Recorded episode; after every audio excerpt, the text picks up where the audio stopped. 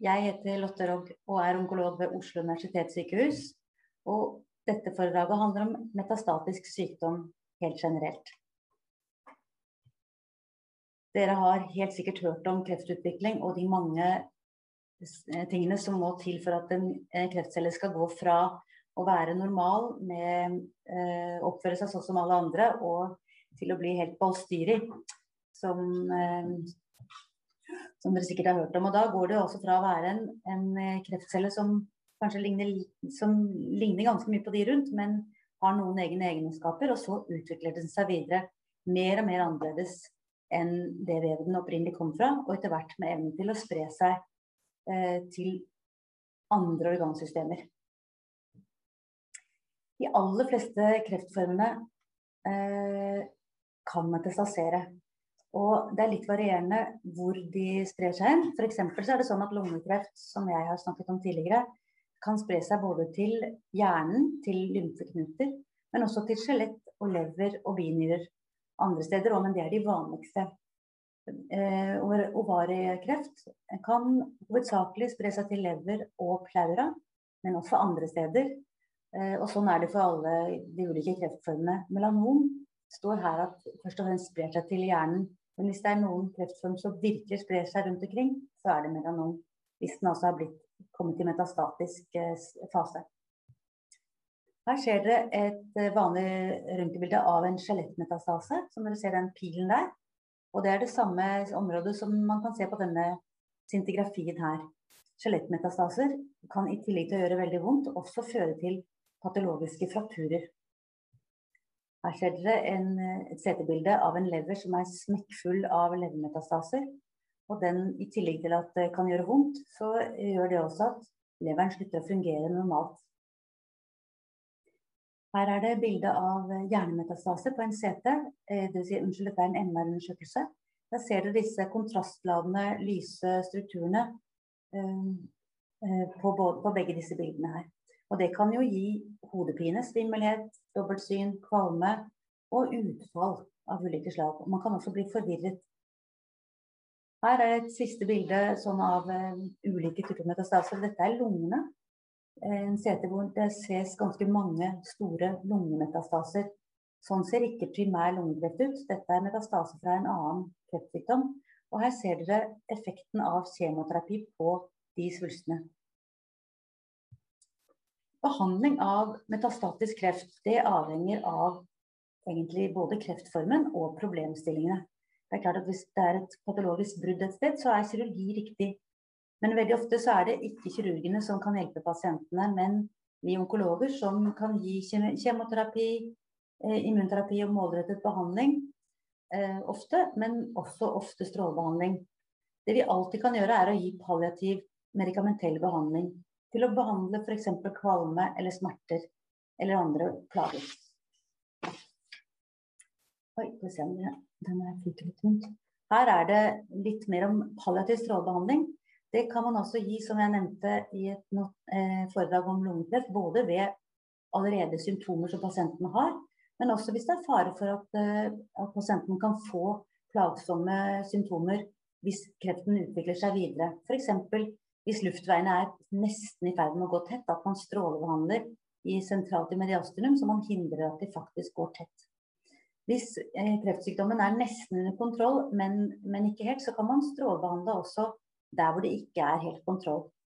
Og Vanlig behandlingsopplegg da for palliativ strålebehandling er enten ti behandlinger, fem behandlinger eller én behandling. Det er de vanligste, med ulike stråledoser. Bivirkningene ved strålebehandling er generelt slapphet. Og så er det avhengig av hvilken kroppsdel som treffes av strålene. Hvis man treffer spiserøret og svelget, så kan pasienten bli sår. Eh, hvis man eh, strålebehandler i maven, så kan pasienten få diaré. Eller eh, få eventuelt hudforandringer forbigående hvis man eh, strålebehandler ut mot huden. Den palliative strålebehandlingen har mye lavere doser enn kurativ behandling. Og Derfor så blir heller ikke plagene særlig langvarige. Her ser dere eh, noen, en oversikt over hva slags effekt man kan få. Det er jo ikke sånn at strålebehandling alltid virker. Som dere ser, f.eks. hvis man har fått heshet pga. en svulst som, som, klemmer på inni her, så er det veldig sjelden at vi klarer å snu det. Mens derimot hvis man har smerte pga. innvekst, eller at man har begynt å hoste blod, så kan man ha ganske stor sannsynlighet for at det vil bli bedre med strålebehandling. Dette er et eksempel som jeg tenkte jeg ville vise, fordi det er av stor betydning. Dette er mediastinum. Det er høyre lunge og venstre lunge. Og det som er lyse strukturer, det er eh, aorta. Så ser dere en pil mot en bitte liten lys prikk der. Det er vena cava, som er nesten helt tett. Eh, det kan føre til at eh, hvis du har en sånn svulst sånn som dette som klemmer på vena cava, da hindrer det dreneringen av eh, blod tilbake fra hodet og fra armene som kan føre til hevelse i både hode og armer, og eh, at man får hoste, tungpust, får økte kartegninger på brystet og på, på, maven, og hodepine. Man kan også faktisk dø av det hvis det ikke blir behandlet. Eh, og dette er et bilde av den samme mannen. Det er klart at Hvis man ikke vet hvordan han ser ut til vanlig, så reagerer man kanskje ikke på det øverste bildet her. Men eh, når man da vet at han vanligvis er ganske mager i fjeset, så skjønner man at dette er en som, som har eh, økt trykk og ikke får drenert fra, fra hodet sitt. Behandlingen det vil være hos de aller fleste å strålebehandle. For noen typer kreft er det riktig å behandle med kjemoterapi. Og da kan man se at her er det denne ene hvite strukturen der som var så tråken eh, på forrige, for noen slides siden, den er nå blitt åpen og, og hodet og armene kan dreneres igjen. En annen viktig eh, tilstand som det er viktig at vi alle som møter pasientene faktisk er veldig årvåkne i forhold til, er dette med malign medullakompresjon. Eh, da ser dere en sånn tegning her av en svulst som klemmer på spinalkanalen, eller nervene i spinalkanalen. Eh, og det ser sånn ut på et MR, hvor det er helt trangt, eh, og hvor pasienten kan ha få lammelser. Så her gjelder det å være kjapp og gi behandling. Eh, av og til så er det kirurgene som, som trår til også her. Og for noen former for kreft, som f.eks. småcellet lungekreft eller lymfom, så er det mest effektivt og raskt å gi kjemoterapi. Men for de aller fleste kreftformer så er strålebehandling det som vi gir sammen med steroider for å svelle ned hevelsen. Og jo før man kommer i gang, jo større sannsynlighet er det for at pasienten bevarer funksjonen sin. Har det gått eh, 24-48 timer, så er sannsynligheten veldig liten for at man klarer å gjenvinne eh, funksjonen. Men hvis pasienten har vondt, men ikke har begynt å få utfall ennå, så kan man fortsatt sørge for at vedkommende bevarer funksjonen. Overlevelse ved metastatisk kreft det er det nesten vanskelig å si noe generelt om, for det er så veldig stor variasjon.